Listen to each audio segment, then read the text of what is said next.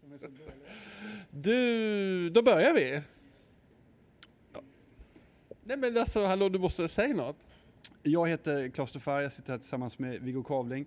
Vi kunde beskrivas i början på 2000-talet som ett eh, radarpar där Viggo var alfahannen och jag var svansen efter honom när vi tillsammans arbetade på Resumé. På Viggos initiativ har vi nu bestämt oss för att starta den här podden.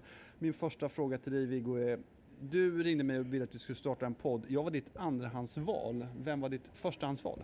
Nej, men alltså jag tycker så här att man aldrig ska göra om någonting som man har gjort tidigare. Okej, vi har visserligen aldrig poddat, men vi har liksom varit ett radarpar tidigare. Så att då tänkte jag, jag sökte en ny, en ny partner. Eh, och det här är ju tredje gången som jag gör en podcast. Jag tänkte första gången ska jag testa att göra med en man. Och då eh, tog jag matchmannen jag känner eh, mest av alla, Filip Diab, och frågade honom. Och han behövde två månader på sig och säga nej. Och sen så nu har han hoppat ihop med en podd med två singeltjejer. Hur misstänkte det? Mm, men Viggo, din sorgliga spillra till människa. Du fick alltså, du, du, du, hittar, du, hittar en, du hittar en annan man, någon form av machoman och sen så är det hade du inget annat alternativ så du återstod bara jag. Du, jag tänkte vi skulle börja spela upp ett klipp här och byta ämne. Ja, det som jag tror att jag skulle kunna bli bra på. Eller, eller, nej, eller, Bättre på.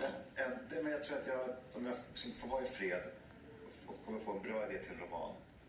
Eh, nu, jag, jag säger inte att jag har hamnat där, men jag, jag hoppas på att någon gång kunna liksom, skriva något jättebra. Och då måste jag få tid och du måste kunna få koncentrera mig på det.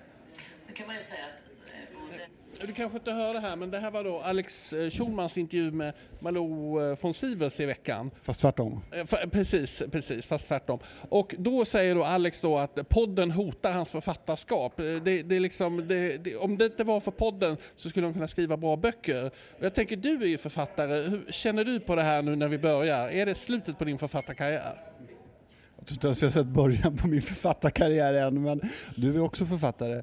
Eh, jag tillhör ju... Men förlåt, du är ju en riktig författare som fortsätter att skriva böcker. Jag har ju slutat skriva böcker, men du kommer ju med två böcker nu här framöver.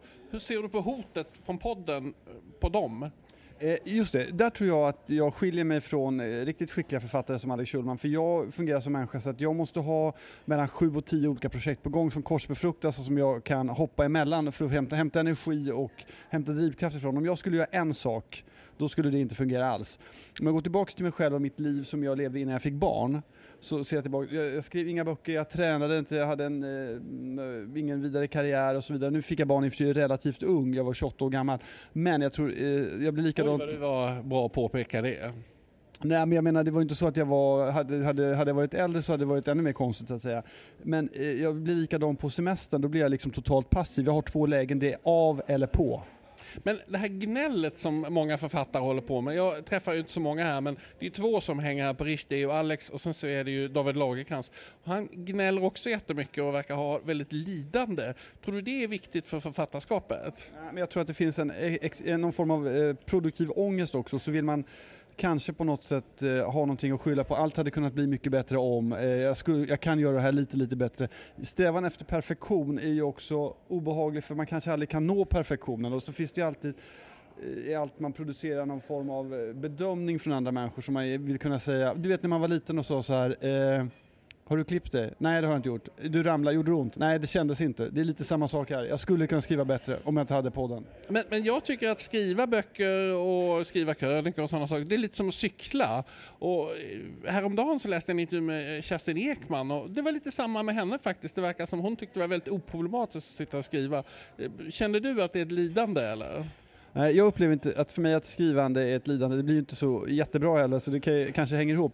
Men om vi, vi håller oss eh, fast vid, vid krönikan, alltså, jag har ju under stundom också jobbat med Johan Hakelius. Johan hävdar att varje människa har ett visst antal krönikor i sin kropp och tar de slut, då är det slut. Han har ju visat sig ha hur många som helst och producerat eh, både dagliga spaningar och veckospaningar i sen tidernas begynnelse känns det som. Du har ju lite samma sak, hur gör du för att den källan inte ska sina? Nej men jag tycker bara att försöka slappna av, njuta och sen så hela tiden försätta sig i situation. Det är ingen lära ta på varandra-kurs där. Jag frågar hur du gör för att skriva krönikor. Nej, men alltså, och sen så försöka söka upp eh, grejer som liksom, eh, men var lite, oh, ska vi inte ses snart? Och så, så dyka upp då hos den här personen som man inte har träffat på ett tag och, och trakassera den. Eh, jag tänkte vi skulle gå in på det första ämnet. Eh, det var en artikel i Dagens Nyheter som handlade om Jerker Viborg. Det är lite ditt ämne känner jag. Vad kände du när du läste artikeln? Ja, det var precis ett porträtt om Jerker Viborg och eh, det var en intressant skildring. Ja, eh, vi känner inte varann alls väl. Jag skulle säga att vi är på nivån att vi säger hej till varann. Eh, det som egentligen var intressant med eh, den var väl eh, kommentaren. Alltså vänta lite. Den första meningen säger allt om Dagens Nyheters kulturredaktion. Den är så här. Den som det senaste decenniet gått på kulturfester, författarsamtal och bokreleaser i Stockholm har sannolikt stött på honom. Alltså av Dagens Nyheters 400 000 läsare så pratar vi här om ett, ska vi säga 300-tal. Det är första meningen i artikeln. Är inte det lite provocerande mening? Ja, men det är provocerande. Plus att jag tycker att Stockholm är så litet, så, som du säger, den klicken som går på kulturfester, författarsamtal och bokreleaser, så stöter ju alla på alla, så det spelar ju egentligen inte roll. Det finns ju ma- massa sådana. Sen vet jag inte heller om... ehm, jag såg inte riktigt det här idolporträttet komma. Gjorde du det? Nej men alltså jag kände faktiskt, jag har ju, jag rör mig ju ibland i de miljöer som han rör sig i och ibland rör sig han i de miljöer som jag rör mig i. Till exempel när jag var och intervjuade Björn Ulvaeus eh, i eh, Västervik för två år sedan, då dök han upp där. Det var ju väldigt oväntat men också väldigt kul. Det känner jag att fler intellektuella och de på DNs kulturredaktion borde söka sig till andra miljöer än de här kulturfesterna och så vidare. Och Soho House och som det var i artikeln. Så här, jag måste säga, jag blev på jättegott humör. Jag tycker det här... Ja, vadå? Att du såg honom i Västervik? Nej, nej, men förlåt. Jag blev på gott humör av artikeln för jag känner att här är en författare som försöker leva lite som en romankaraktär. Han klär sig på ett speciellt sätt, han, han pratar, han, han, han sticker liksom ut i det, och, och, i det offentliga livet. Och det tycker jag fler människor borde göra. Det är ju Alltså de människor som har, män som har en lite distinkt klädstil så är det ju Jerker Wiborg ser ut lite som en kanslist i en Kafka-roman och Johan Akelius ser ut lite som en påfågel. Fler sådana människor. Nej, men Jerker Wiborg är en stilig man tycker jag. Jag menar alltså han är stilig men det är liksom något lite Jo, men- grått och tråkigt över honom. Beg to differ tycker jag kanske. Jag tycker sobert, elegant, absolut inte tråkigt. Eh, ja. Vilka skulle du säga då, om vi från positionen bord 28 på Rish här nu, vilka passar bäst som romanfigurer i Stockholms innerstad vår, tidig vår 2023? Oj, det, det känns som att... Eh, eh, nej men jag tycker en person som skulle kunna vara bra som vi har här framför oss det är ju Leif Månsson på Rish. Han, han, eh, om han skulle, han är ju hovmästare här och han har fixat det här bordet till oss. Han skulle kunna vara en bra romankaraktär och så la man på någonting typ eh, yrkesmördare eller spion eller, eller någonting. Jag älskar Leif Månsson av hela mitt liv, men men det är en alltså, person som inte har bytt arbetsgivare på 25 år, bott i samma, samma fru i 30, nej han är inte alls en romanfigur. Jerker Wiborg skulle säga, det håller jag med om, han lever som en romanfigur. Eh, Johanna Akelius definitivt, David Lagerkrans absolut, nu är det bara män här. Eh, för det kräver ju den här typen vet, av... alltså så, Du skulle jag säga absolut. Ja, men jag känner att det är en av mina målsättningar att försöka leva i nuet och, och, och, och försöka vara, tycka det är spännande. Vad händer just nu? Och det, det är på något sätt det, om vi ska gå tillbaka till krönikestoffet, så är det liksom när jag känner att jag är i nuet och gör saker i nuet, då kommer också ämnena till, till, till mig. Som, som i, eh, häromdagen så var jag och gjorde en intervju vid Odenplan och så tänkte jag, fan är det inte här Anders sitter? Och så gick jag förbi hans kontor och Anders, han är då, 1969 så tog han en buss från eh, Sundsvall och så körde han eh, ner i hela Europa, så körde han till Afghanistan och Indien och sen dess har han arrangerat bussresor, han är en av Sveriges rosa bussarna. Rosa bussarnas grundare ja.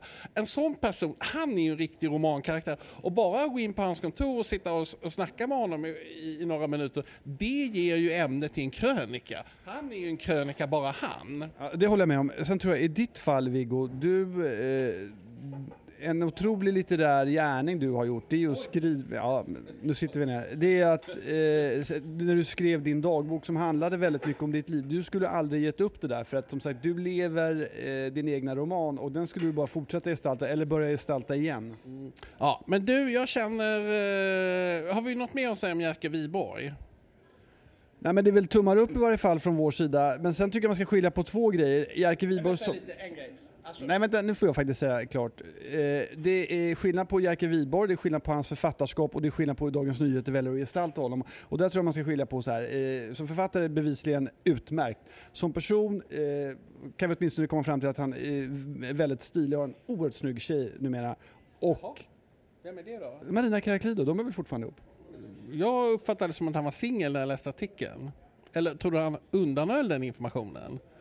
Ja, det stod väl om hans dotter i varje fall. Jag vet inte, nej, det, det kanske, nu är vi riktigt ute på hal Men jag kan säga en grej eh, som jag tyckte var roligt för artikeln, det var därför jag tyckte så mycket om den. Den var ju som min helg i eh, Perfect Guide, Hugos eh, viktigaste journalistiska skapelse. Det var ju äntligen någon som gick runt på olika restauranger och träffade människor och söp och blev lite full och du vet, man fick ju lite känsla när man läste artikeln också att han och, och reportern var lite förtjusta i varandra. För det Ja, var, det- var lite, det- det var, li- du förstår vad jag menar. Det, sånt gillar jag. Tycker också Du det var- vet vad jag lärde mig på Dagens Nyheter?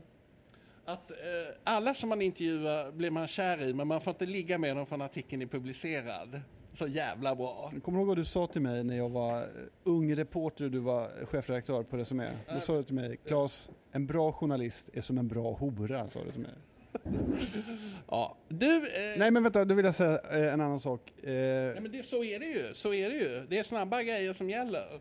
Jag känner redan nu när vi sitter här att jag håller på att gå tillbaka till mitt största trauma och det är att jag, eh, när jag går in i perioden, jag pratar precis som dig, det, jag måste koncentrera mig oerhört mycket.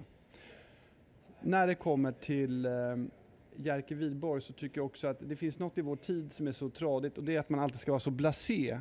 Där tyckte jag den här artikeln eh, belyste att man kan tycka saker är härligt, att författarsamtal är härligt, att det är härligt att gå på restaurang efteråt, att det får vara lite storökt.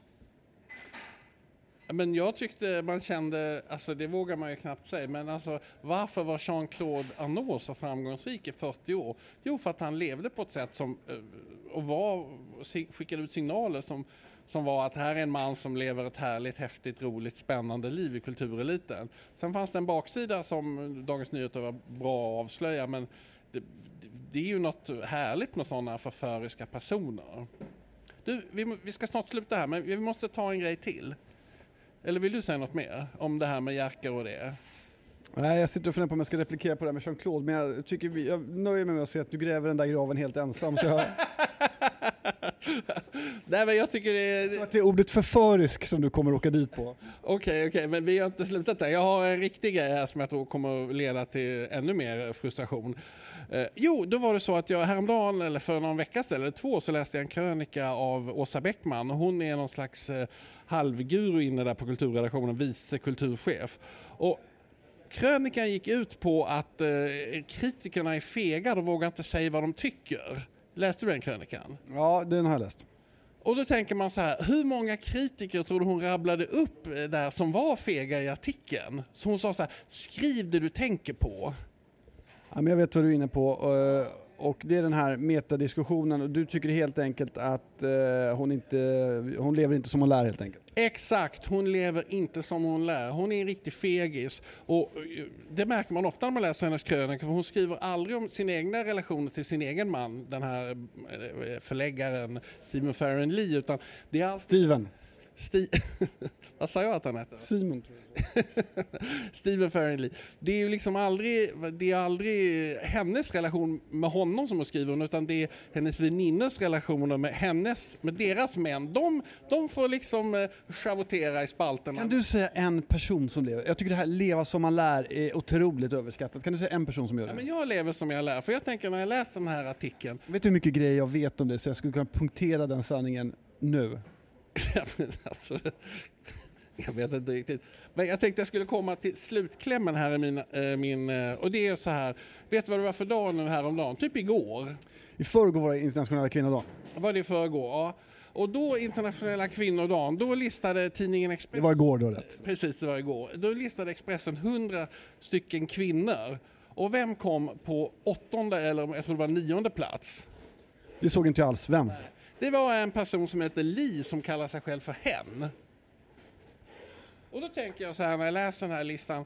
Vad har den här hen gjort för att vara före exempelvis Ebba Andersson som är världsmästare i skidor? Vad har den personen gjort för att komma på den listan? Jo, den personen har ju då satt på sig kvinnokläder, opererat på ett par silikonbröst och uppträtt på QX-galan.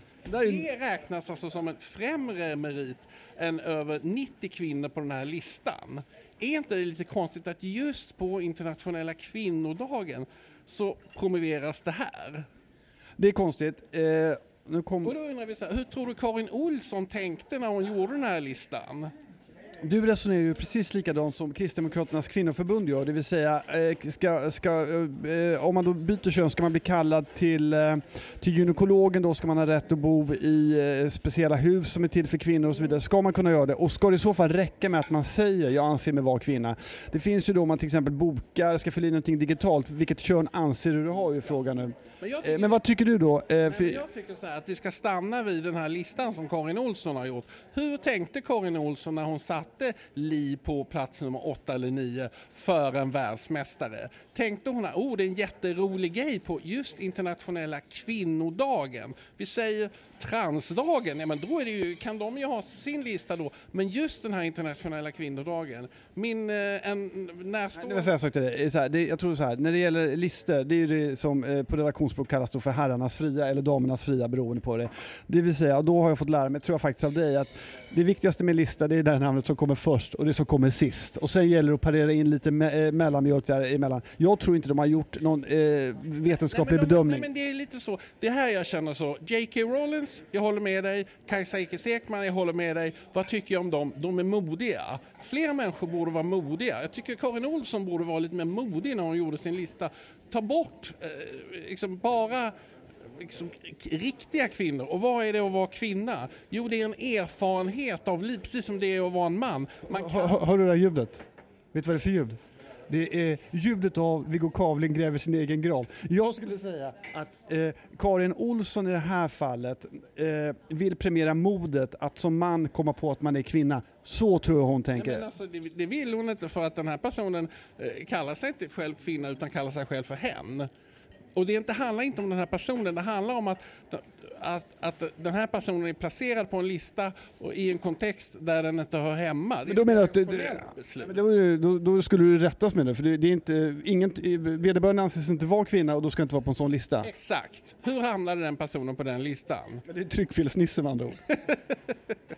Du, kändes som att vi har swishat ut här. Vi sa ju att vi ska hålla på eh, fram till, eh, vad heter det, de öppnade restaurangen. Och, du kom ju för sent här så det blev inte så lång podd idag. Nej, Jag vill be om ursäkt för det. Det var första podden och eh, jag kom lite sent och eh, är lite förkyld dessutom. Eh, Ser vi inte en kändis där? Där vi ser PM Nilsson, Johan Stoff von Holstein och även David Saudi.